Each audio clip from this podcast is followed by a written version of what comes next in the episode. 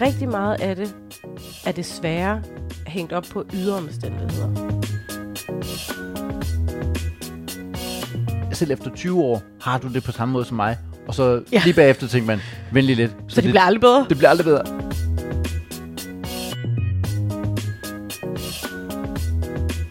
Hej, og tak fordi du lytter til det her, øh, den her episode af øh, alt muligt kreativt podcasten. Jeg ved ikke, om man kunne høre, at der bliver lige forstyrret af, at der blev ringet med hjemmeisbilen lige udenfor. Det er fordi, der er simpelthen øh, solskinsvejr.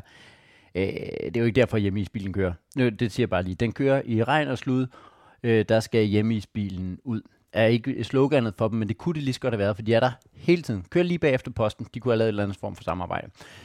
Tak fordi du lytter til den her 11. episode, er det jo faktisk, af alt muligt kreativt podcasten, som handler om, at hvad skal man finde på at lave, når, man, når alt er muligt kreativt? Jeg er efterhånden kommet så langt, så i, øh, alt er ikke muligt kreativt. Det øh, fik vi slået fast i sidste episode. Jeg skal se at få lavet, øh, jeg skal lave grin til gavn. Det er et kæmpestort, øh, det er et kæmpestort øh, skridt for mig, og øh, rigtig dejligt. Og jeg snakker i denne uge med Ane Høsberg, øh, som er helt tilfældigt, eller ikke tilfældigt, hun er vært på dette års Grin til Gavn. Det skal vi selvfølgelig snakke om. Og øh, så skal vi snakke om alt muligt andet. Hun skal også lave tur og alt sådan noget. Så øh, er jeg jo der, hvor jeg skal lave det her øh, udkast, eller de her forslag til en børnebibel. Og, og så øh, har jeg fået spørgsmål.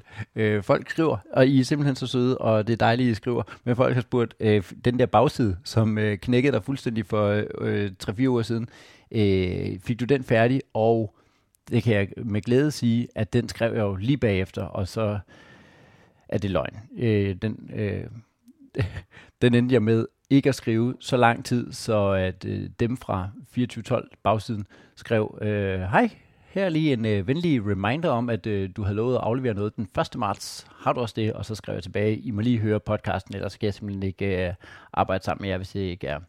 Den fik jeg lavet, og den kommer øh, på bagsiden af 2412. Så det, det løste sig, og verden knækkede ikke. Det er faktisk en, øh, det er en god lektie at tage med. Det, det er ikke fedt, øh, men verden gik ikke i stykker. Verden gik videre, og øh, de skrev tilbage, det var en dejlig bagside, og øh, øh, der var ingen skade sket. Yes. Så fik jeg heller ikke fulgt op på, at jeg havde et møde med Peter Werner. Og det gider jeg faktisk ikke lige at følge op på allerede nu, men det skal nok blive til et eller andet rigtig, rigtig, øh, rigtig, rigtig spændende. Det, der har fyldt i den sidste uge, har været sygdom. Jeg har simpelthen været syg, og folk, øh, folk er søde til at spørge, hey, hvordan går dit ugeflow? Hvordan går dit ugeflow? Mit ugeflow gik rigtig dårligt. Jeg blev simpelthen øh, syg, og, øh, og, og var nødt til at øh, ikke rigtig lave noget hele onsdag, så jeg fik set øh, øh, to Louis C.K. shows, og så var det ligesom det, og, øh, og derudover så har jeg, så har jeg ikke fået, så, så for at komme tilbage til, hvordan går det med dine max øh, hovedprioriteter lige nu, som er øh, blive god til grin til gavn, og øh, få styr på øh, Øh, de der fire historier til Bibelselskabet. Det går sådan, at jeg var på øh, mindeslejr med min kirke, og så får jeg sagt til øh, to, som er, at de arbejder med sådan noget kommunikation, og den ene er revisor, og øh, jamen, øh, er kristne mennesker altid kedelige? Nej, nej, nej, jeg kender både folk, der er revisor og arbejder med kommunikation. Nå, okay. Øh, men så får jeg jo sagt, øh, fordi de er røvkedelige, og jeg har hovedet op i røven på mig selv, så jeg ender med at snakke om mig selv. Øh, så jeg, jeg, jeg får sagt, at jamen, jeg har faktisk en ret fed opgave. Jeg har øh, skal øh, skrive nogle udkast til nogle historier til en børnebibel. Og så får den ene af dem sagt, øh, Nå, hvad, hvad får du for det? Og så siger jeg, jamen øh, ikke noget. Og så, så siger han, så hvad, du har fået muligheden for at aflevere fire historier gratis, og de har ovenikøbet været så frække at sætte en deadline. Og så kan jeg godt høre, at mit arbejde lyder ikke rigtigt som et rigtigt arbejde, og jeg, jeg får sagt, ja, det er, er det ikke meget fedt, men det er fordi, at sådan har jeg altid arbejdet. Jeg arbejder på den måde, at jeg laver et eller andet arbejde, som jeg håber bliver til et eller andet, og det gør det i mange tilfælde jo ikke. Så, så det er ligesom den øh, arbejdsmåde, jeg havde, og jeg kunne godt høre det dengang, at jeg sidder med sådan nogen, der, der er vant til at tjene penge og, og tænker over det, jamen så, øh, så lyder det lidt fjollet. Og så siger han, men har du fået kontrakt på det? Så siger jeg, nej, det har jeg ikke, men øh, når de kommer med en kontrakt, så skal jeg nok sende den til jer. Griner jeg så, og så siger de, jamen det skal du da klart gøre. Øh, og så kan jeg godt mærke, at de sidder og kigger på et lille barn, der siger, Nå, men en kontrakt, så er det ikke skørt. Øh, jeg har simpelthen ikke øh, tænkt penge og økonomi i det der bibelhistorie. Jeg laver kun ting, hvor jeg tænker, det bliver grineren. Og øh, lige nu, der er det ikke grineren. Eller det, det er i hvert fald ikke, der er ikke, jeg er ikke kommet videre med det. Så jeg begynder også at have lidt travlt med det. Til gengæld har jeg slet ikke noget i den her uge, som jeg skal, ud over at arbejde på de der bibelhistorier. Det, der så sker, det er, at jeg har lyttet en podcast med en, der har skrevet Ph.D. i børnebibler. Og jeg har jo bare startet med noget, der er grineren, som sagt. Og øh, sidde og snakke med Heino om, at det bliver fedt, og jeg glæder mig til at lave det og sådan noget. Så hørte jeg den her podcast med hende, der har skrevet Ph.D. i børnebibler, og så viser det sig, det er ikke en triviel opgave. Det er, det er et, et område med landminer, og hvilket bibelsyn har jeg, og hvilket gudsbillede har jeg, og hvordan tror jeg, der sker, når folk dør og sådan noget. Fordi en bibel, øh, den er, Bibelen er jo skrevet af mange forskellige forfattere, inspireret af Gud, eller hvad man nu tror på, men mange forskellige forfattere, en masse øh, forskellige, der har et eller andet måde at snakke på. Men en børnebibel har én forfatter, og øh, øh, kristne er uenige om alle mulige ting, og det der så ender med at blive kommunikeret ud i den der børnebibel, det er det, som den her ene forfatter tror. Det er et springfarligt emne, og øh, jeg blev sådan ramt af den der Dunning-Kruger-effekten med, at jo mindre man ved om et emne, jo mere tror du godt, du kan finde ud af det. Og jeg, jeg tror, jeg havde det sådan, dengang jeg bare tænkte, det bliver ske. Jeg skal bare skrive nogle dumme historier. Der tror jeg, jeg var mere tryg i det. Nu hvor jeg havde lyttet den der podcast, tænkte jeg, der er godt nok mange fælder i det her. Og der tror jeg, at jeg må se at komme i gang, og så må jeg stole på, at Bibelselskabet øh, nok skal være dem, der ligesom fanger de værste af sådan nogle grælde ting, som kan gå helt galt.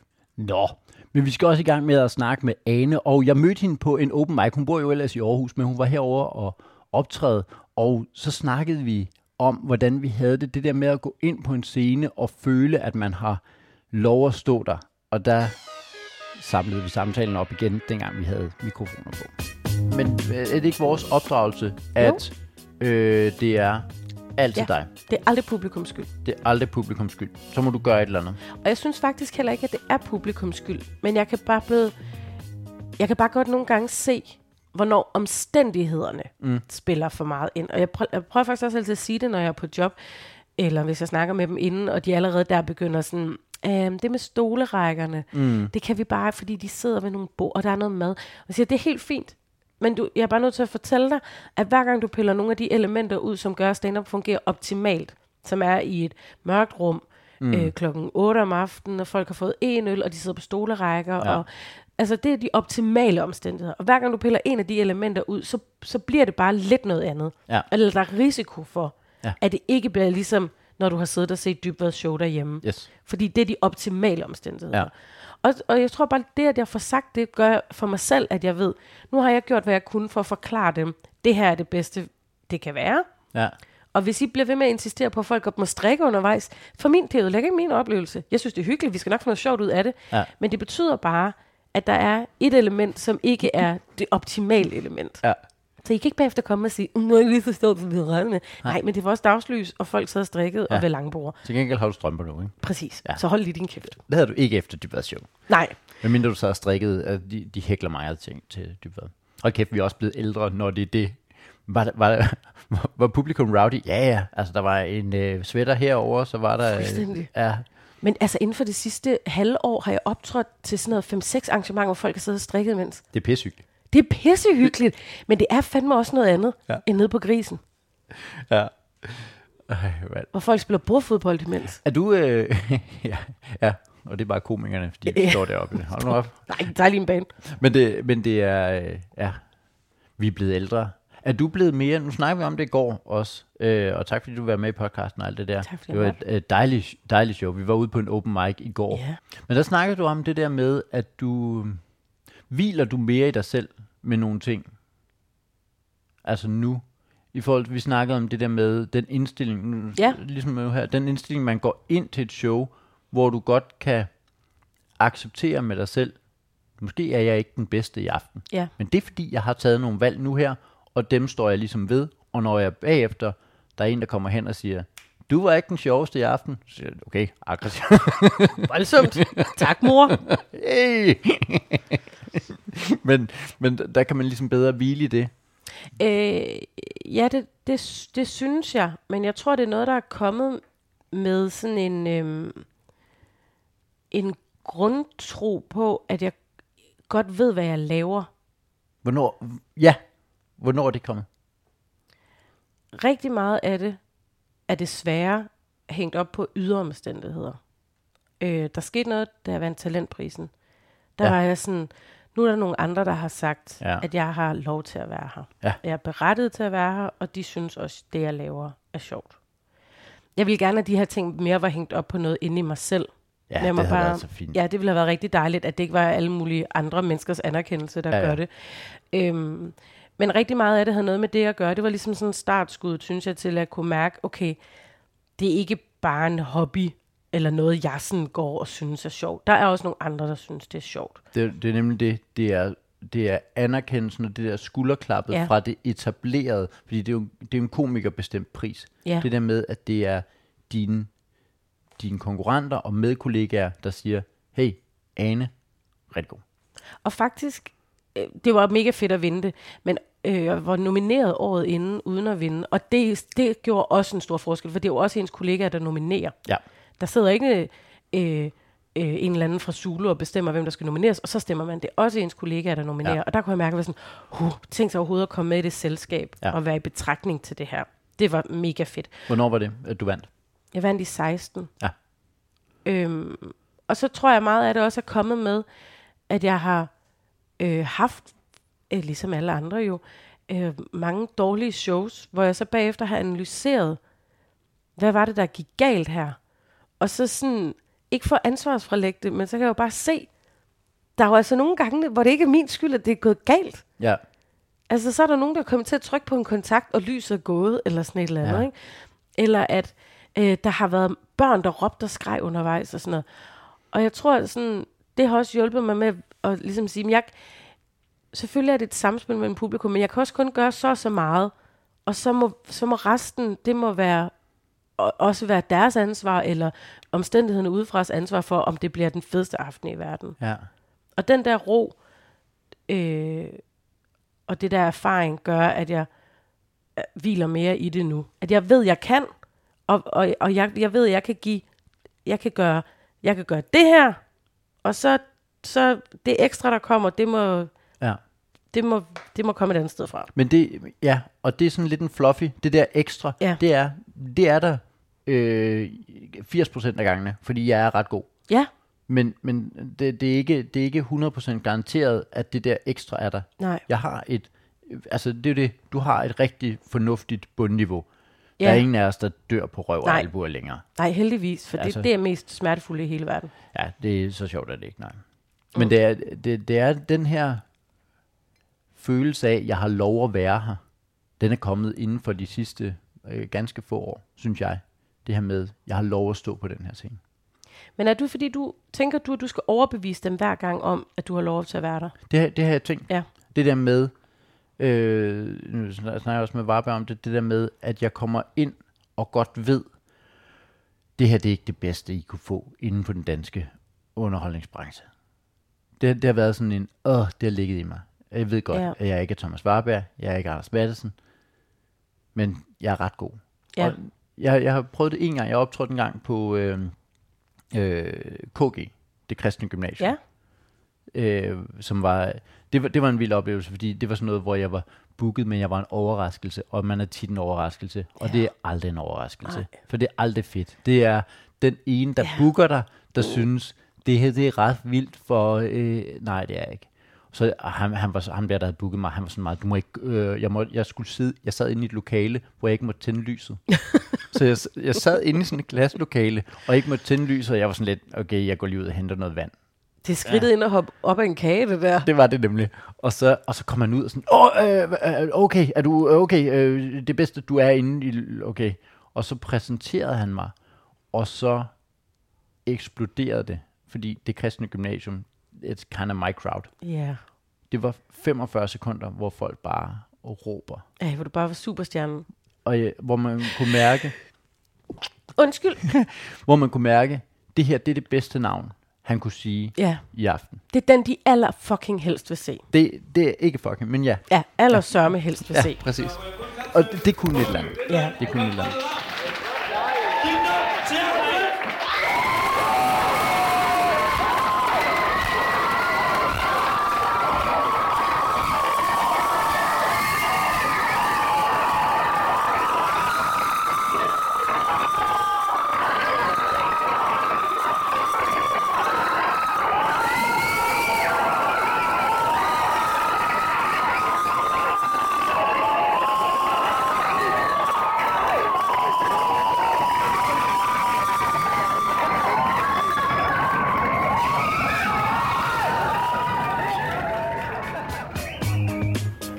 Hver gang jeg optræder, så har jeg min telefon liggende i lommen, og øh, så optager den. Og det er jo ikke, fordi det bliver en vildt god optagelse, men det her lydklip fra dengang jeg optrådte på det kristne gymnasium, er nu alligevel en, en dejlig lille lydbid at have til minde, og til at minde en om, at øh, jeg har lov at være der.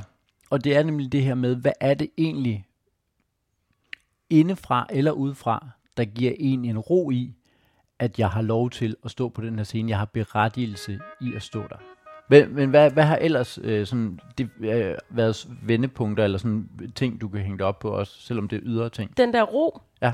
Jamen, det har også været altså sådan, øh, på open mics øh, kollegaers anerkendelse. Det der med at komme ned og have lavet noget, som, som var nyt, og der er så nogen, der har sagt, det er sgu meget sjovt. Mm. Eller hvis nogen har lyst til at jamme med på ting. Sådan lige i momentet, efter man kommer af scenen. Sådan, Ej, jeg stod lige... Det der med, at der er nogle af ens kollegaer, som jeg selv ser op til, som har lyttet til det, jeg lavede, og som så har lyst til at ligesom give bare lige sit besøg med. Ja. Øh, det har også givet mig sådan en grundro på, sådan, okay, hvis en, en, jeg godt kan lide, og en, jeg synes er dygtig, gider at bruge tid, som jeg synes er det mest dyrebare, vi har at bruge på noget som helst Ja. ja. på hinanden, på mig, så må det betyde, at, at jeg kan noget. Yes. For på uger siden, der var jeg på mig på Zoo, og så var Frank på. Og du ved, alle sad og summede og snakkede. Det var en rigtig hyggelig aften. Alle grinede. Der var ikke nogen, der hørte hinandens show. Alle, fordi det, øh, åh, det var så sjovt. Der var masser af gamle dage og bla bla bla. Og så i det øjeblik, Frank han træder op, så er, hold alle kæft. Ja. Og så sidder alle og kigger på fjernsynet. Yes. Og jeg bare sådan, vi skal bare se ham. Ja. Men det er altså også, Frank er også i en klasse for sig. Det er jo, altså, Det er helt magisk. Ja. Også fordi, at han er sød i virkeligheden. Ja. Så man bliver sådan, okay. Ja. Og han er også venlig, høflig og rar. Og grineren. og grineren, og arbejdsom. Fucking arbejdsom. Det er det der med, når, så hvis du skal lave et job for 400 bankansatte, så står du nede og dør ja. på røv og albuer ned foran huset, foran to 8. klasser, der er på besøg fra Vejle, og hvor man, ja. hvor man tænker, men det får du ikke noget ud af, men det gør han. Ja, det gør han. Ej, ja, der er sådan, der, øh, det, det er en af mine bedste øh, open mic fortællinger. Det er, hvor jeg så Frank være dårlig i 30 minutter på huset. Nej. Altså, og ikke sådan, nå, men Frank Varm, han, så øh, øh, får han dem lige lidt tilbage. Nej, det var der, hvor han, øh, havde, han havde en bid om øh, at være slaveejer. Ja. Ikke? Det var jo et fantastisk bid. Ikke der. Nej, fordi det var en udvikling. Fordi han var i gang, Ja. og hvor man bare tænkte, nå, wow, du dør bare på røv og albuer, og så blev han bare i den, fordi han er på arbejde. Ja. Han er skidelig glad. Det er han nok ikke, men han var på arbejde, og så så man ham en eller to dage efter, hvor man tænker, nå, derfor stod du ja. Var dårlig nede på huset foran de der 17-årige, fordi lige nu, der står du bare og har det her ordet rigtigt, og det er bare, wow, mand. Det, det, det kunne et eller andet helt vildt for mig, det Men det er, fakt, det er også nogle, en af de, ikke lige det der med Frank, men, men vi har jo set det før, jeg har set det rigtig, øh, Mikke Øgendal er virkelig god til at komme på open mics, det skal man mm. vide, hvis øh, han har annonceret show, så skal man huske at komme på nogle open mics, fordi ja. han er virkelig god til at komme ud og øve på den måde. Mm. Og jeg har nemlig også set ham flere gange i løbet af tre uger eller sådan noget, stå og være dårlig, være dårlig, være dårlig, og så lige pludselig mm. have arbejdet så meget med det, at det bliver fantastisk. Det at se den udvikling. Øhm, og det har også gjort noget inde i mig, hvor sådan, hvis Mick, som nok udover Madison er den bedst sælgende danske komiker, Ja. hvis han tør at stå og være dårlig Ja. på en open mic, han har meget mere på spil, end jeg har, Ja. så tør jeg også godt at stå og være dårlig på en open mic. Ja.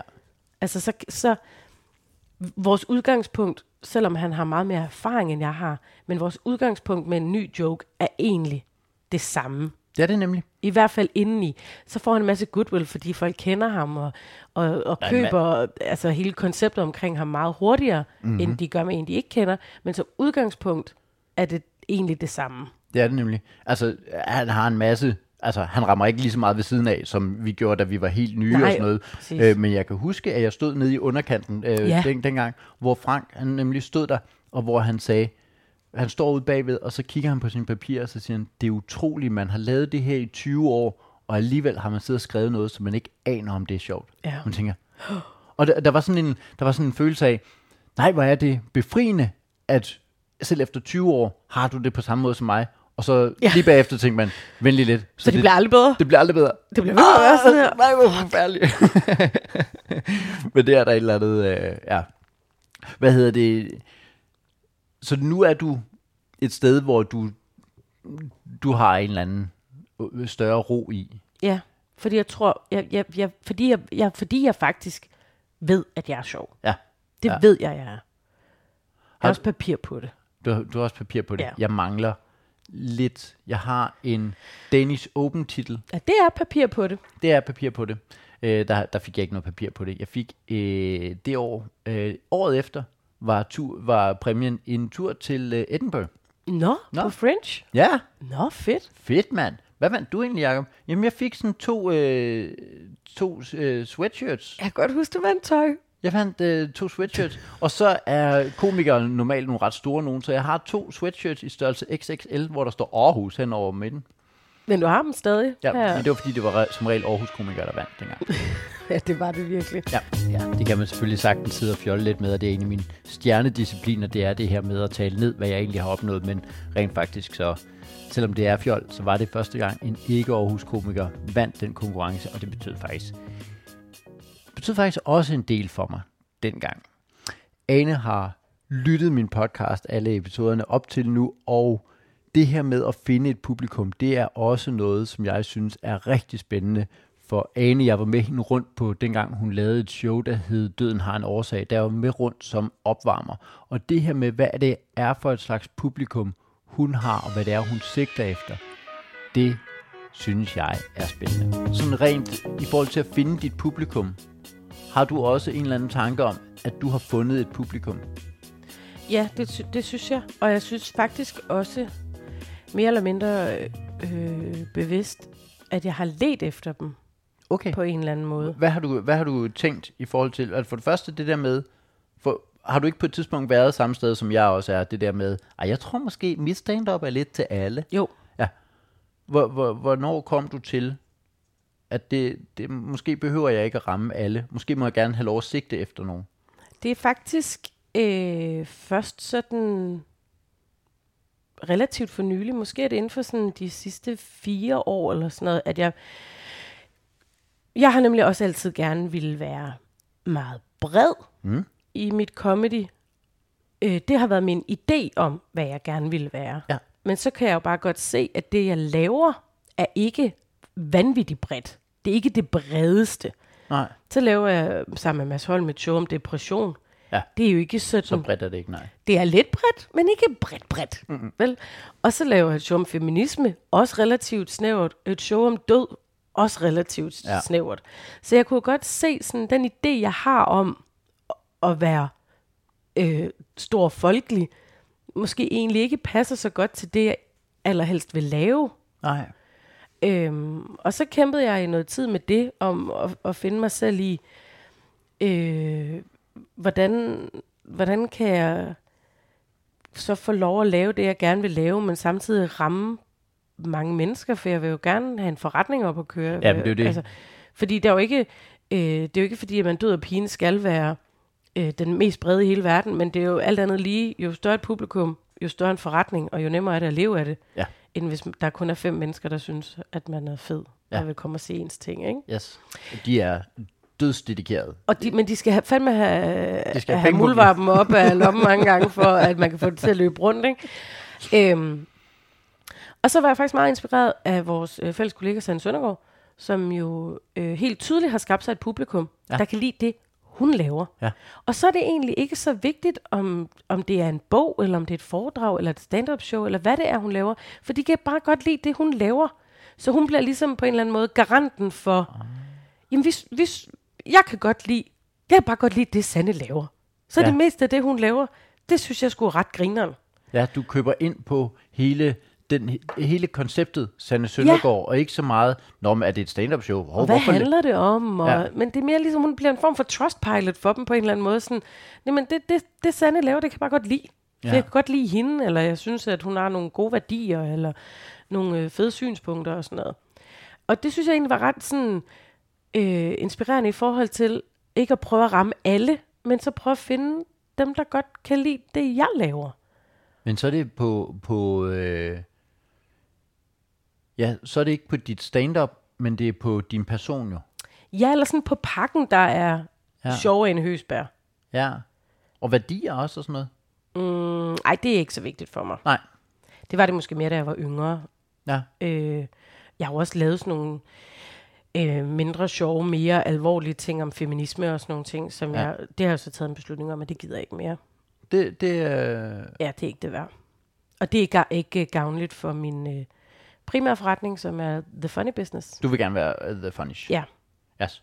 Så det, det har du simpelthen skåret væk. ja, øh, meget aktivt. Ja, og det, det, det burde vi nok lige snakke øh, mere om, men vi er måske også færdige med det. Det var bare, det, der er noget spændende i det der med at have valgt sig en målgruppe, fordi når du laver dårlig feminist, så ligger du der vel også ind i, hvor du rammer nogen, eller hvad? Ja, ja, ja. Ja. Men jo også skal jeg sindssygt mange fra, jo. ja.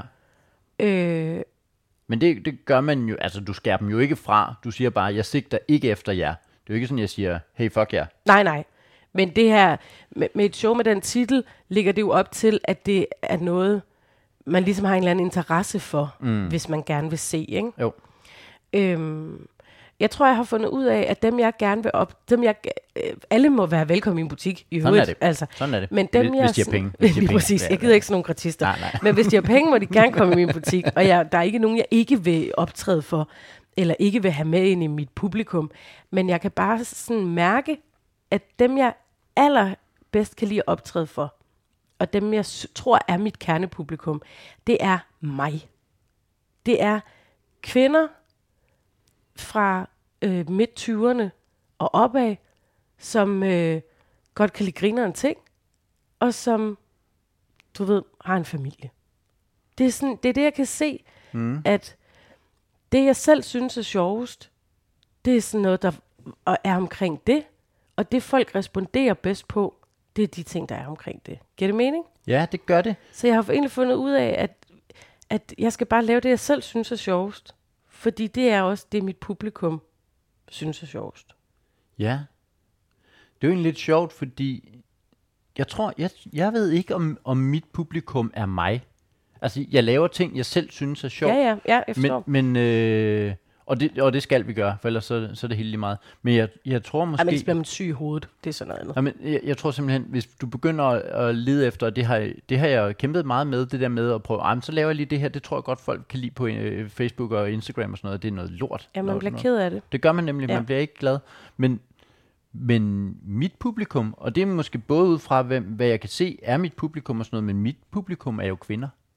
Og jeg vil også helst optræde for kvinder. Ja, også mig. Øh, altså hvis jeg kan vælge, men jeg vil helst have et blandet publikum. Mænd og kvinder sammen. Men helst sådan noget 70-30 i kvinders favør. Øh, ja, ja, måske, måske. Men hvis jeg skal vælge enten Ja. altså et køn, så hellere 400 kvinder, der sidder der, end 400 mænd. Men det er også noget andet, fordi øh, du, hvis du tager ud og optræder til et arrangement, hvor der sidder 400 mænd, så er det øh, højst sandsynligt, øh, vil de jo se dig som en trussel. Altså ikke sådan, at du tæver dem, men du stiller jeg. dig jo op og alfager the shit out of that room.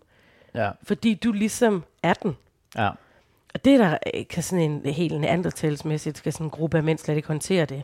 Så det bliver med korslagte arme, og hvis de, og han skal fandme ikke tro, han er noget, og boo, og sådan noget. Ikke? Ja. Jeg ved ikke, hvorfor de buer. Ja, det er også det er aggressivt nu. Nu må lige... Men hvis jeg gør det, jeg er ikke en trussel over for de 400 mænd. Nej. Der er faktisk mere en stemning af, at øh, ej, nu skal vi også lige og, og, og det? lige gøre, os, øh, og gøre vores roser grønne og vise, hvad vi kan, og klappe og grine og sådan noget. Du har for gammelt publikum, hvis de gør deres hoved grønne. Ja, de er jo mig, siger jeg jo. Hvor at, øh, men sådan et godt 70-30 publikum, der skal altid være flest kvinder, fordi kvinder har lettere til latter. Og når kvinder griner, så begynder mænd at grine, fordi de gerne vil være med. ja. Det er så smittende. Ja. Der skal ikke være flest mænd. Fordi de vil ikke sidde og grine af et eller andet åndssvagt, for der sidder en eller anden lækker dame derovre, som de skal imponere. Ja, bortset fra, at nu, øh, øh, nu sidder jeg på kontor med Heino. Hans publikum er mest øh, mænd. Er det rigtigt? Ja. Uh, and if you look at the Instagram og Facebook uh, insights og alt det der, ikke, så er hans, uh, det, er, det er mænd. Det er fandme mærkeligt. Nej, det er det ikke. For hvis du ser på, hvad Heino laver, så kan jeg godt se, uh, Nå, ja. man kunne lade være med at sidde og snakke om Heino, når han ikke er med. Jeg, jeg får lige Heino med i en episode, hvor jeg lige snakker om, hey, hvorfor er det mest mænd? Dyk lige ned men i det, den. men det er bare ret. Jeg har nemlig det vidunderlige privilegium, at jeg til hverdag sidder over for den rigtige Heino Hansen, og jeg kan bare tænde en mikrofon. Så hvis jeg har haft en eller anden samtale med en eller anden, så kan jeg lige pause den samtale, og så kan jeg vende mig til Heino og kan sige, vi har snakket om det her. Og så sagde jeg, men ej, jeg knipsede ikke. Det har været, det, det har været Jeg håber, du har sat dit iPad-svin ordentligt på. øhm, sagde jeg, at øh, Heino, Ja. det er mest mænd. Ja. Er det det? Ved- jeg, det ved jeg ikke, om det er ude i salen, men det er det på Instagram og Facebook. Instagram og... Altså, der har jeg sådan noget 60-40, og øh, det har jeg ladet mig fortælle, er øh, unikt. Ja. Øh, så plejer jeg lige at svare, at, øh, at, at det er fint nok at sige det sådan, man kan ikke lade være at stave det med j. Ja. Øhm, men, men når folk skriver til mig, at det er unikt, så, øh, så, så, så, så altså, jeg troede, det var normalt. Men, men det viser sig, at hvis man er sådan et firma, der, der smider annoncekroner efter sider og sådan noget, så kan det være svært at finde en, øh, en øh, popkulturel figur, som har en majoritet af, af mandlige øh, fans, Ja. øh, hvis ikke at magtens korridor er til salg for usel mammon. og så, Det er dem, og så er det Heino Hansen.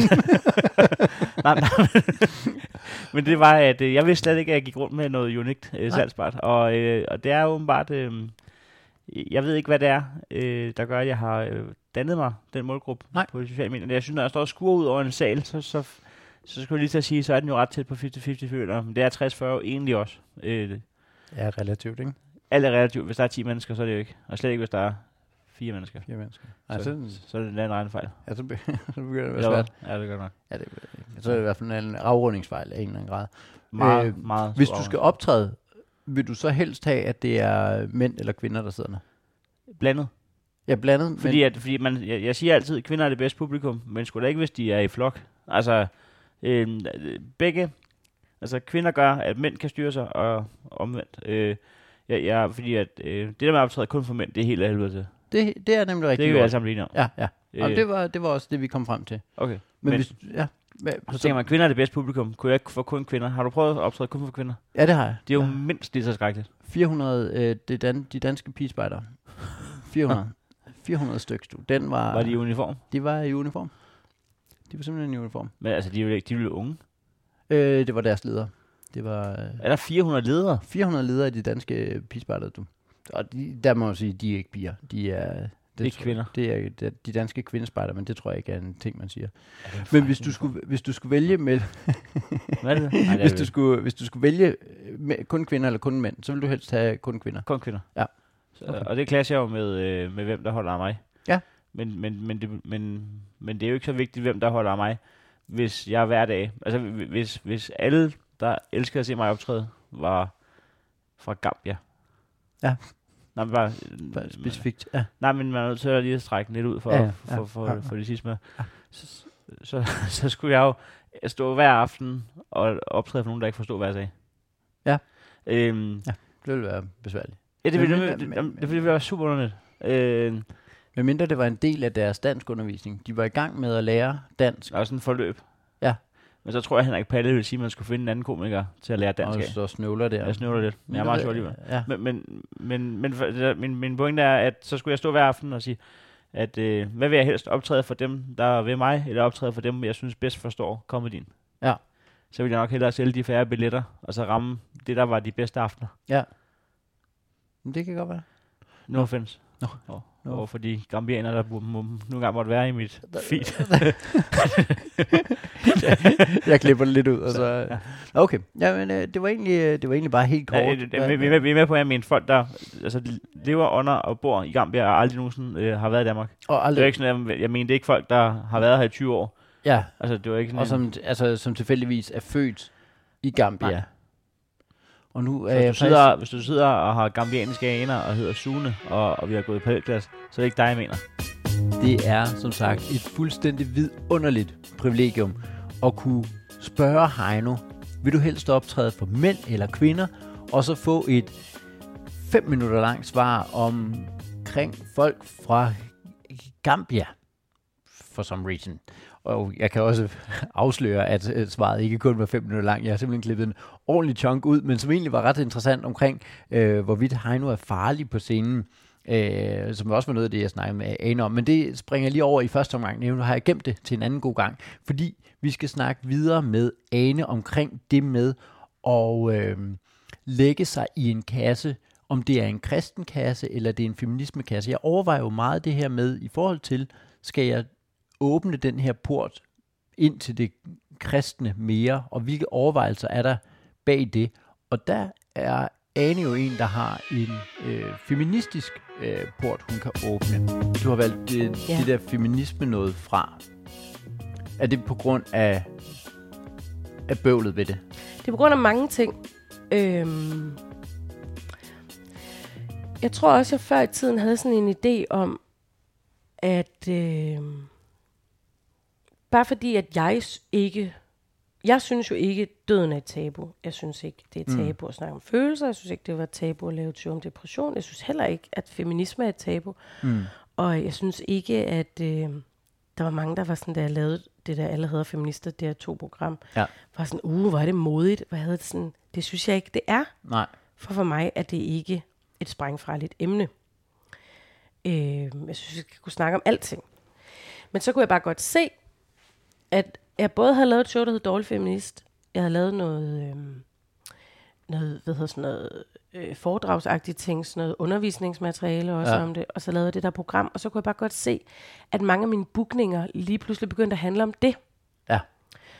Og jeg kunne se, at jeg var på vej ned i en kasse, som jeg ville have svært ved at komme op af igen, Når så. til at blive den feministiske komiker. når så ikke, ikke, egentlig ikke fordi du ikke vil være den feministiske komiker, men fordi du godt kunne se, den her, så sidder jeg også der. Ja, og så kan jeg kun være det. Så kan jeg kun være det. Og det kan jeg jo se, fordi jeg kan se andre kollegaer, der ja. har svært ved at komme op af kasser, ikke? Ja. Så, så det kunne jeg bare mærke, det har jeg ikke lyst til. Jeg, har, jeg vil gerne være sjov, Ja. og jeg vil gerne lave sjov om feminisme, ligesom jeg gerne vil lave sjov om klimaet, og lave sjov om øh, dyr og børn, og alt muligt andet. Ja. Men, men jeg kunne bare mærke, der er ikke, øh, der er ikke plads til, lige nu som tingene ser ud til, at jeg kan gøre, lave sjov om feminisme, og så også i folks bevidsthed få lov at lave sjov om alt muligt andet. Forstår du, hvad jeg mener? Ja. At jeg vil blive låst fast i den der kasse, Ja. og så vil jeg blive den feministiske komiker. Ja. Hvilket er fint, hvis det er det, man gerne vil, men det er ikke det, jeg har lyst til. Jeg har Nej. ikke lyst til at blive låst fast i det. Jeg vil gerne alt muligt sjovt. Ja. Og jeg kunne bare se i forhold til mit arbejde, og i forhold til min forretning, at der var der muligheder, jeg lige pludselig blev afskåret fra, Ja. fordi jeg blev kategoriseret som en særlig type af komiker. Og det kan godt være rent forretningsmæssigt, så vil, det, så vil der måske være mere forretning i at, at have feminisme-ting. Ja, ja. Det kan jo sagtens være, altså nu sidder du og siger, om rent forretning skal du noget fra. Jamen det kan godt være, at det åbner lige så meget. 100%, Så, men- så, så det er egentlig ikke kun økonomisk eller forretningsmæssigt. Nej. Det kunne godt være, det, det handler om, at du ikke har lyst til at ende i den kasse. Ja, at jeg gerne vil mere Ja. af paletten. Ja. Og der kunne jeg bare se, at det bliver sværere for mig at komme ind. Jeg, jeg møder øh, øh, folk, der er sådan, Åh, men jeg ved ikke om det passer ind sådan med den, fordi du Ja. laver sådan noget feminist med komik og sådan noget. Hvor jeg var sådan, hov, jamen, og i mit hoved, der kan de ting sagtens samme eksistere, men det Ja. kan jeg bare se ude i verdenen, Ja. øh, mediebilledet og i den kreative verden, at der, det, det er virkelig helt klart til endnu. Så jeg er nødt til at tage en beslutning om, om jeg vil ligesom udforske den øh, forretningsdel, der ligger herover i femitingen, Ja. eller jeg ligesom siger, nej, jeg vil gerne, øh, ikke nødvendigvis være bred, bred, men jeg vil gerne have lov at have muligheden for Ja. at bruge den brede palette, og kunne alt muligt, og shuffle imellem tingene, og ikke være bundet op på en eller anden identitet. Fordi i forvejen har jeg jo en, en komikeridentitet, som er at være en kvindelig komiker, ja. som jeg jo ikke ligesom Jamen, den kan du ikke Kan komme, komme af med. Og det er jo et stempel, du har fået. Ja, og det, jeg, og det har jeg taget på mig nu. Jeg Ja. ja. har ikke nogen interesse i ikke at være det. Nej. Øh, fordi jeg er kvinde. Ja. Ja. Altså sådan, så, det, så det virker åndssvagt at være sådan, jeg vil ikke være kvindelig komiker. Men du er jo kvinde og komiker. Og jeg synes faktisk, det giver mig sådan... Jeg, jeg ser det som en fordel nu. Det giver mig et udgangspunkt, som øh, 95% af mine kollegaer ikke har. Ja. Ja. Og det i sig selv er et selling point, hvis man gerne vil det. Ikke? Ja. Og det gør, at jeg kan snakke om nogle ting ud fra et, et synspunkt, som ikke er så repræsentativt, og som der måske er rigtig mange, der, der kan spejle sig i, og det Ja. synes jeg er fantastisk. Ja. Men jeg har bare for, så jeg har i forvejen et markat, jeg Ja. kunne, og så kunne jeg bare mærke, at jeg kan ikke overskue både at være den feministiske og den kvindelige komiker. Nej. Det er for meget, der trækker i en retning. Ja. Ja, fordi de ligger også lidt, altså de ligger sammen. Det er ikke to fuldstændig forskellige kasser. Nej, præcis. Altså hvis du både var den jonglerende og den feministiske, så kunne det ligesom være Ja, to sammen. Eller den mandlige og den feministiske ja. gør på en eller anden måde også paletten bredere, men det her det blev bare så fastlåst.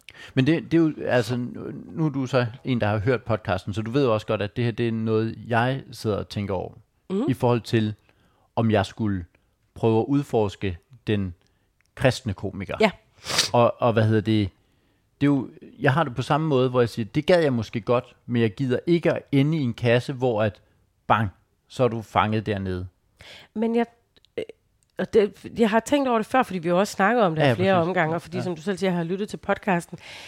Øh, jeg tror, jeg tror ikke, at den kristne komiker er lige så i gåsøjne farlig, som den feministiske ah. Komiker. nej, Jeg tror kun, at det kan være et add-on. ja. Jeg tror ikke, det kommer til at være en begrænsning. Men det, det handler, nej, måske hvis man, altså jeg, jeg tror, Jo, hvis ateistisk selskab, hvis du gerne vil lave. Nej, dem optræder for Nå, helt, jamen, så kan og de, de, de spørger simpelthen hele tiden. Øh, og jeg kan ikke. Jeg kan ikke. Jeg skulle optræde for dem på tirsdag. Det kan jeg ikke.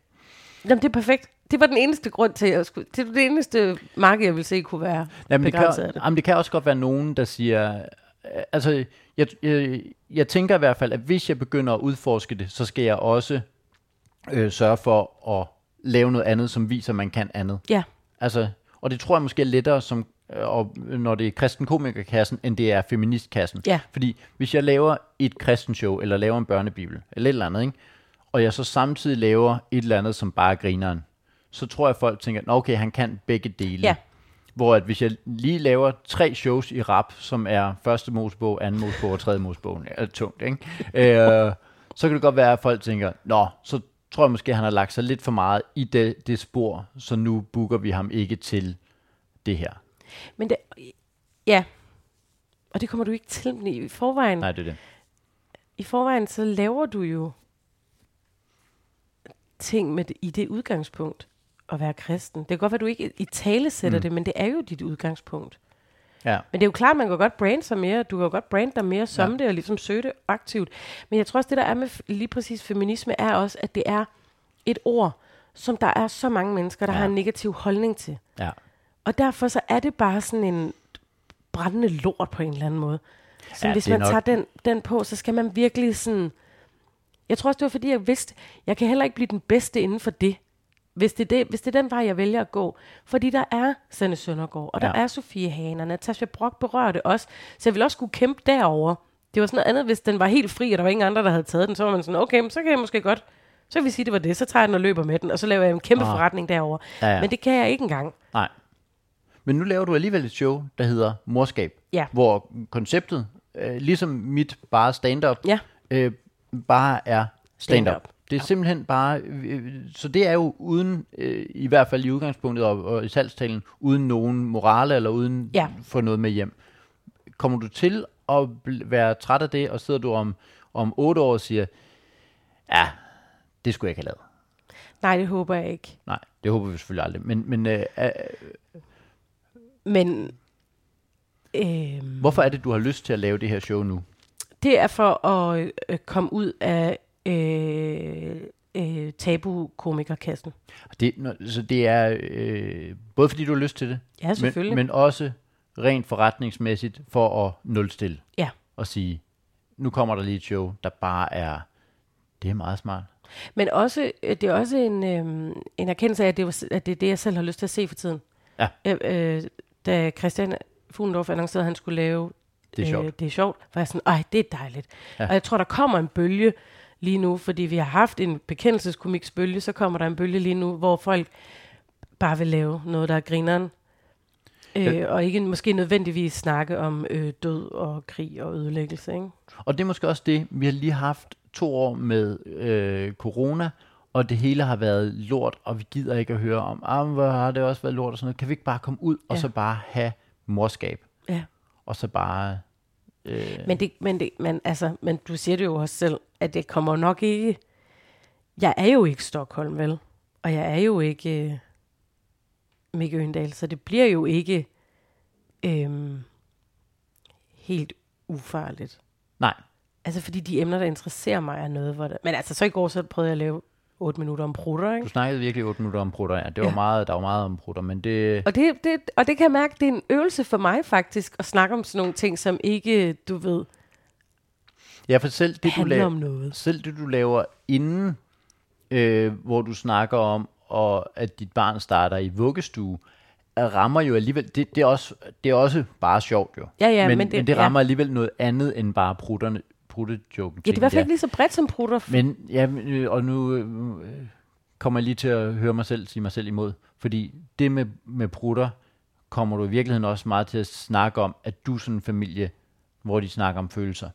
Ja. Og det, altså, Du kan jo selv se, det kan slet ikke være bredt. nej, nej, det, det, du, ender, du ender der et eller andet sted, ikke? Så selv, selv den, din 8 minutters prut-joke øh, er jo en, der handler om, som ikke handler, den handler jo ikke om prutter, den handler om din opvækst, og den handler om, hvordan du vokser op, Og hvordan følelser. jeg vokser op, og hvordan jeg har følelser, og hvordan jeg Ja. ja. gerne vil snakke om følelser og sådan noget. Du kommer ikke til at lave.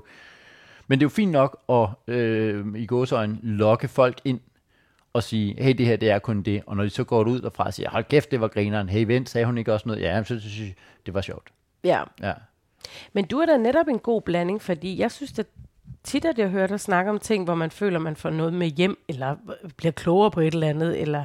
Men du er jo også, du snakker jo også om at prutte din søn i hovedet på cyklen. Nå ja, og en gammel joke. Men ja. Det er jo meget bredt. Ja. Jamen, det kan godt være. Så har du en lang bid, der handler om at have imposter-syndrom, men du ved, du har også en bid, der handler om at knække spaghettier. Ja. Ja, men det, ja, det, men altså, jeg tror måske ikke, vi er så, så forskellige i virkeligheden, Nej. i det vi laver. Men jeg tror jo også, at alle komikere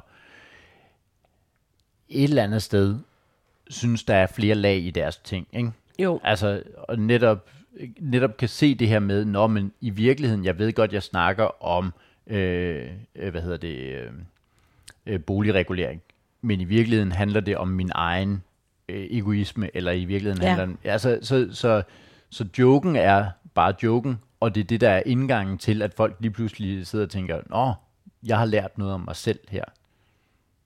Det, øh, altså, det synes jeg jo kan alt muligt.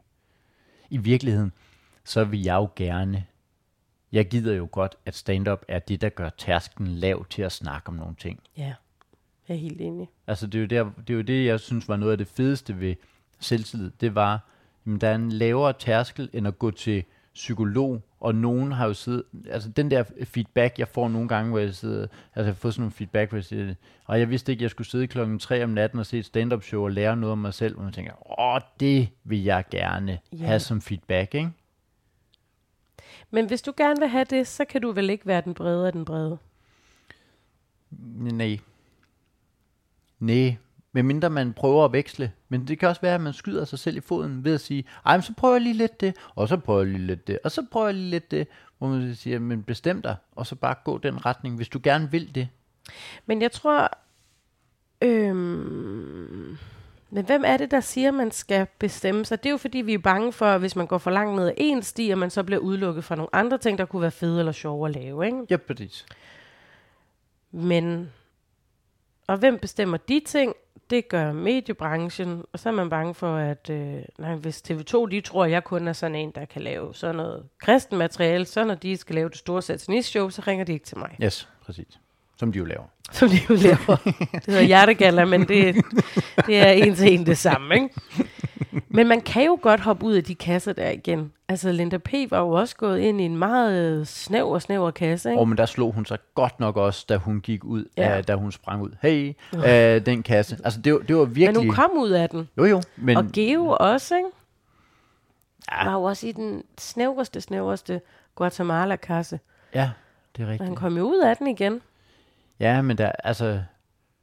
Men der vil du gerne undgå øh, både at få kræft og få... Øh, altså, du vil jo gerne... Altså, og altså, det, det der med, du, du har ikke lyst til at slå dig, altså slås så meget for at komme ud af en kasse, Nej. så vil du hellere ikke lægge dig ned i kassen. Og det er det, jeg mener, hvis jeg lige pludselig ligger nede i en eller anden kristen kasse.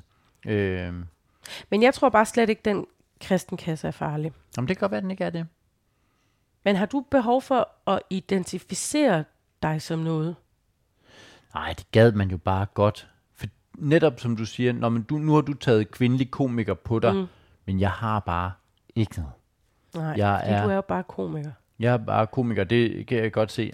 At, at, Nå, som, nej, som, men- en, der, nej, som en, der har fået det der, du er kvindelig komiker, og så sidder jeg her og brokker mig. Jeg er bare kun komiker, er det ikke synd? Nej, det er, det er ret fedt. Øh, men, men jeg er bare så jeg er bare så hvid, og jeg er så Ja. øh, øh, gift og to børn og i forhold. Og, så- altså, det, det er, jeg, jeg skiller mig jo ikke ud fra 95 procent af vores kollegaer. Nej, det er rigtigt.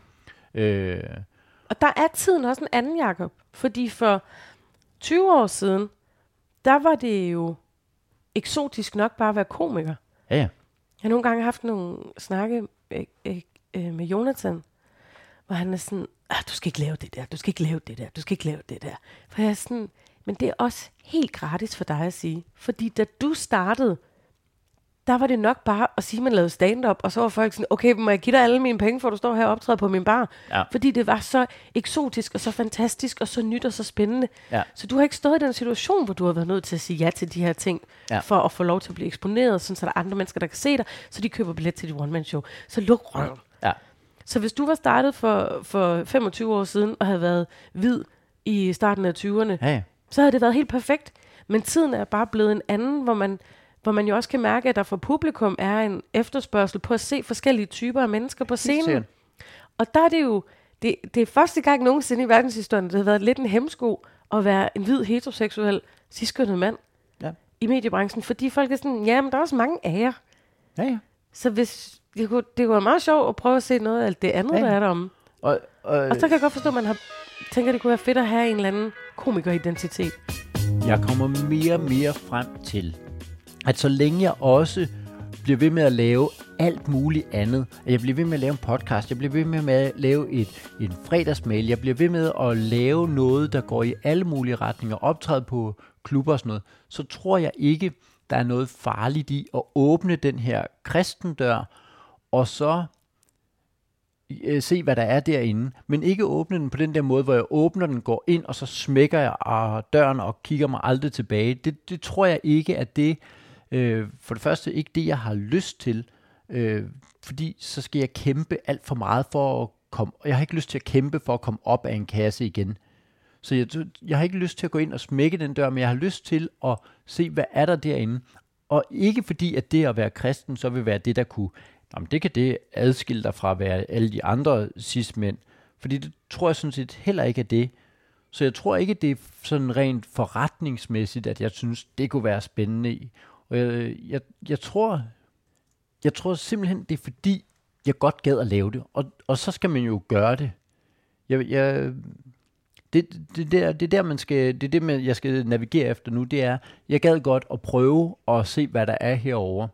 Jeg snakkede også med, jeg blev interviewet til øh, Impuls, som er et blad, der bliver udgivet Indre Mission, og hvor at i løbet af, af snakken, det blev sådan en helt terapeut-team, hvor det gik op for mig, at jeg, jeg tror måske også, jeg godt kunne have lyst til at lave noget, som, som henvender sig til forældre og børn sammen. Og det, der passer børnebibelen jo bare ret godt ind, men også den ældre ældre, hvis man kunne lave, igen inspireret af, af Nikolaj Stockholm, hvis man kunne lave et eller andet, der connecter folk, forældre og børn sammen.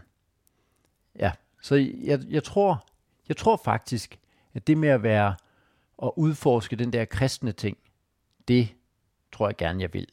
Og det snakker jeg selvfølgelig stadig med Ane om, og når jeg har Ane, som er hende, der har lavet øh, der er vært på øh, Grin til Gavn, og som har været med til Grin til Gavn før, så er jeg nødt til lige at spørge, om der er nogen fif til sådan en helt noob på øh, Grin til Gavn området. Hvad er, er, der, er, der noget, du, er der noget specifikt, du er bange for at gå glip af, hvis du går ned af, nu tager jeg kristen identiteten på mig? Nej, jeg ved ikke om... Jeg ved faktisk ikke, om der er noget, jeg er bange for at gå glip af. Fordi, altså, øh, der er jo ikke, der er jo ikke noget, hvor jeg, jeg, jeg tror ikke på, at jeg bliver... Nu nu skal jeg lave grin til gavn, som mm. du også skal. Ja. Du er vært jo. Øh, hvor jeg tænker, det tror jeg ikke, jeg bliver valgt fra til, på grund af, at jeg lige pludselig er den kristne komiker. Det kan godt være, at hvis jeg lagde mig alt for meget ind i... Det er det, hvor jeg tænker, hvis jeg lige pludselig... Jeg ser nogle amerikanske komikere, der er kristne komikere, og jeg, i USA, der kan du være kristen komiker, hvor du er bang, og så taler du bare helt indforstået ind i, når jeg går til gudstjeneste om søndagen, og så sidder der bare et helt publikum og bare klapper, ja, så holder I hænderne op, når I synger lovsange, ah, det er skægt, og man bare kan tænke, what? Det er vildt så snævert, det der det er, men det er det bare ikke i USA. Nej. Og det kan jeg ikke lave her i Danmark. Der er nogle gange, når jeg er ude og optræde for kristne, altså kirker og menighedssale og sådan noget, ikke? Så, så kan jeg godt lave, hvor jeg siger, Nå, når I så sådan her og sådan her, og sådan noget, så kan jeg godt lave noget indforstået der. Men hvis jeg går alt for meget ned ad det, så kan jeg godt frygte, at på et eller andet tidspunkt begy- begynder man at sige, Nå okay, han snakker meget om at være inde i en kirkesal, var. Og så kan jeg godt se, men det tror jeg ikke, altså fordi det er heller ikke der, jeg ender henne. Nej, det vil du ikke gøre alligevel. Fordi jeg er jo stadig menneske ved siden af og sådan noget, ikke? Så jeg ved faktisk ikke, Uh, undskyld. det er. Jeg ved faktisk ikke, hvad... Jeg tror ikke, jeg er bange for at gå glip af noget. Jeg tror bare... Jamen, jeg ved ikke, om det er sådan... Du vil gerne være komiker først, Ja. og så kvinde bagefter, ikke? Men hvorfor, hvorfor er det, vi har det sådan?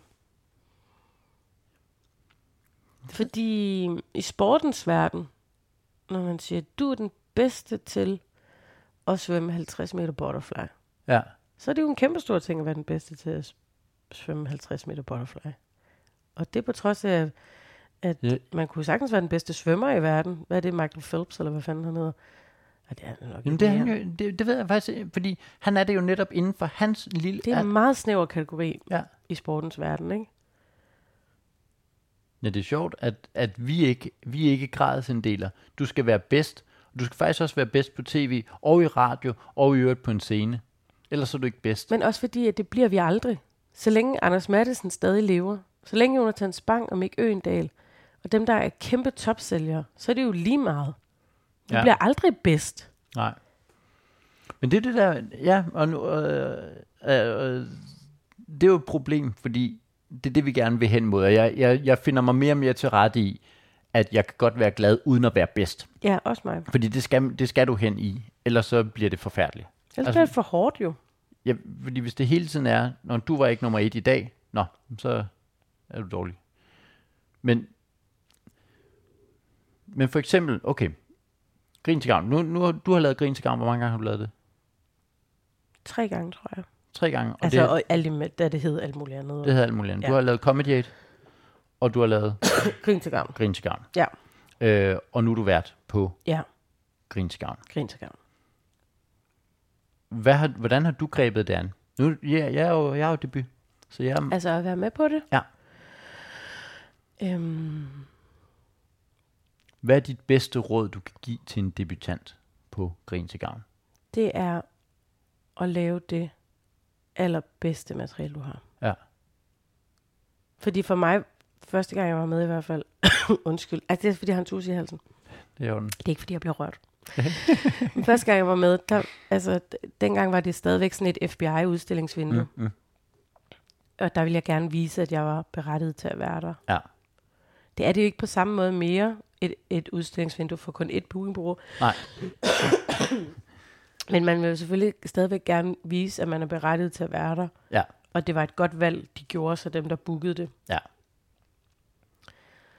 Så Ja, jeg ja. kommer aldrig til at opfordre nogen til at være sådan øh, eksperimenterende i det spot. Jeg vil altid sige, at man skulle gøre sit allerbedste. Selvfølgelig skal man gøre sit bedste, men det, det, øh, det ved vi også godt, at selv om du står med din bedste joke, så kan du blive du kan godt ikke være god med din bedste joke. Fuck ja. Yeah. Så der er jo et eller andet i. Altså, som sagt, jeg, jeg havde lige uh, Zulu Open Mic, Mm. hvor jeg tænkte, nu går du lige ind og viser, hvor skabet skal stå. Rund smadrer. Rund smadrer det. Og så var jeg så fokuseret på at være bedst, at det gjorde jeg slet ikke. Nå, men jeg synes ikke, at du skal være bedst. Men du skal Nej. være den bedste, Jacob. Ja, ja. ja. snakker også lidt om, det går på open mic, det der med, at der er forskellige parametre. At jeg for mig selv arbejder med forskellige parametre for succes Ja. inden for en, en vis optræden. Ikke? Så skal jeg ned og lave en open mic. Hvad er succeskriteriet i dag? Det er, at jeg kan huske det. Ja. Okay, så er det selvfølgelig altid det bedste i verden, når folk griner. Men det er egentlig ikke der, mit fokuspunkt er. Mm-hmm. Fokuspunktet er, at jeg skal kunne huske de her ting. Ja. Okay, klarer du det? Ja, det gjorde du. Ja. Godt, så er det en succesfuld aften, selvom jeg ikke var den, der fik flest grin. Ja. Og succeskriteriet til grin til gavn, hvis det ens første gang, er vel, at man er komfortabel ved at stå derop, Ja. og man, og man synes, at det er fedt. Fordi jo mere fedt man synes, det selv er, jo fedt ser det ud. Ja, jo federe ja, ser det ud. klart. Så det der med at lave en bid, som man sådan er, har det godt i, Ja. og som man ved, den her, den har jeg det altid sjovt, når jeg laver. Jeg elsker at lave den her. Ja. Det er vel den bedste bid at lave på det tidspunkt. Ja. Problemet er bare, at så meget erfaring har jeg ikke i at stå i de der store sale. Nej. Og det, og det finder man jo ud af, altså nu har jeg prøvet det, det er jo ikke sådan, at Bremen er fuldstændig nyt for mig, men det er, det er øh, men vi har fundet ud af, at det er simpelthen noget andet. Den der bid, som bare virker mega godt foran 30 mennesker på mellemrummet. Fuck, du er god, mand. Den er ikke, den, den, du kan ikke lave den på samme måde, Nej. når du står foran 600 mennesker inde på Bremen. Og det er det, der, der kan gøre det ukomfortabelt, og det er også derfor, det er så strengt der, når vi smider tre æsler op på scenen til, til operan, hvor man siger, jamen det er folk, der har gjort det godt ude på Teater Play. Held og lykke foran 1700 mennesker, hvoraf de første 300, Bare det er, Kasper Christensen. det er bare og- Kasper ja. Christensen. Øh, ja. Men øh, er der, skal podcasten øh, fra nu af, altså i de følgende uger, handle lidt om, hvad du skal lave til Grin til Gavn? Til at komme ind på det og snakke om dine overvejelser omkring det? Jeg skal, jeg skal lige finde ud af, hvad jeg skal lave. Jeg har øh, to bidder, Mm. mm. øh, som jeg øh, tænker, jeg skal lave, og så, øh, altså, fordi jeg, jeg skal lige finde ud af, men, men, øh, men så, så skal jeg også snakke om, øh, jeg skal også finde ud af, hvad jeg gør med børnebibelen og Ja. alt det der. Øh, Men hvad vil, du, hvad vil være succeskriteriet for dig at få ud af Grin til Gavn? Altså, i første omgang, så skal vi lige huske, at succeskriteriet er, at jeg er på grin til gavn. Så allerede der er det her en succesoplevelse. Ja, det er det. Ja. Det er det. Jeg tror ikke, jeg vil, også fordi det er ikke en once in a, at det, det er ikke et show. Nej. Så det vil sige, at du kan godt have et dårligt show, og så have fire gode shows. Men, men når det så er sagt, så gad jeg godt, at, at jeg var god. Ja. Altså, og man går derfra og tænker, det der, det kunne jeg ikke have gjort bedre. Det, det, altså, øh, det, det det, der er mit mål. Det er, at jeg ikke går derfra og tænker, åh, den har du lavet bedre på et eller andet tidspunkt. Eller Ja. sådan noget. ja. Men det er jo det der er et, øh, det er jo meget målbart. En meget målbar succeskriterie. for Det er jo bare. Ja. din umiddelbare følelse lige bagefter. Ja. Og den kan man ikke rigtig lyve eller maskere eller sådan. Den er der jo Ja. lige de minutter, den er der. Ja. Tænkte du, at det her, det var det bedste, der var? Ja. Det var faktisk ret fedt lige at få sat nogle ord på, hvad er det egentlig, du selv synes er succeskriteriet. Bare så man ikke går ind i det og siger, jeg håber, det bliver et eller andet, og så bagefter, så har du ikke noget at måle det op på, om det, om, om det egentlig var det, du gerne vil. Så skal jeg også finde ud af, hvad er det for nogle bidder, hvad er det for en bid, jeg gerne vil lave. Man har 6 minutter til grin til gavn, og det kommer I til også at være en del af. Indtil videre, så har jeg en joke, jeg fortæller om øh, fødsel, øh, min, øh, min søns fødsel. Den har jeg i spil. Og så øh, er jeg i en overvejelse, om jeg skal tage... Altså fordi man skal bare have en bid, som Ane siger, en bid, som er som du har det godt med, og som du synes er grineren at lave. Og der lavede jeg nogle bidder i øh, bare stand-up, som jo er nogle af dem, jeg har nyt allermest, og som måske ikke har fået det kapav, som jeg havde tænkt. Så jeg skal lige, jeg, jeg er lige en overvejelse om, for eksempel rødhættejoken var en, der kunne komme i spil. Lige nu synes jeg, alt er i spil. Men umiddelbart så er det øh, fødselsjoken, måske det med øh, folk, der siger et cetera, eller også øh, rødhættejoken. Nu må vi hellere få afsluttet den her episode. tak fordi, at du lytter med. Tak til alle jer, der, øh, der skriver feedback, og øh, det, er, det er simpelthen så øh, opmuntrende at øh, læse, og tak fordi, at I lytter den her podcast, som egentlig bare er en navlepiller podcast, så det er ret vildt, at nogle af jer får noget ud af det. Tak fordi du lytter med, og vi lyttes ved igen i næste uge. Kan du ikke have et afsnit, hvor du snakker... Nu er det bare en bestilling. Jamen, du, ja, ja. Øh, hvor du taler med måske om det der med at gøre det til en forretning. Ja. At gøre ting for forretningen. Fordi vi er jo begge to sådan nogle følebøger, der er Ja, her, og ja, jeg skal mærke. Og, og vi er der jo ikke nogen af os, der starter med at lave stand-up for at lave det til en forretning. Nej.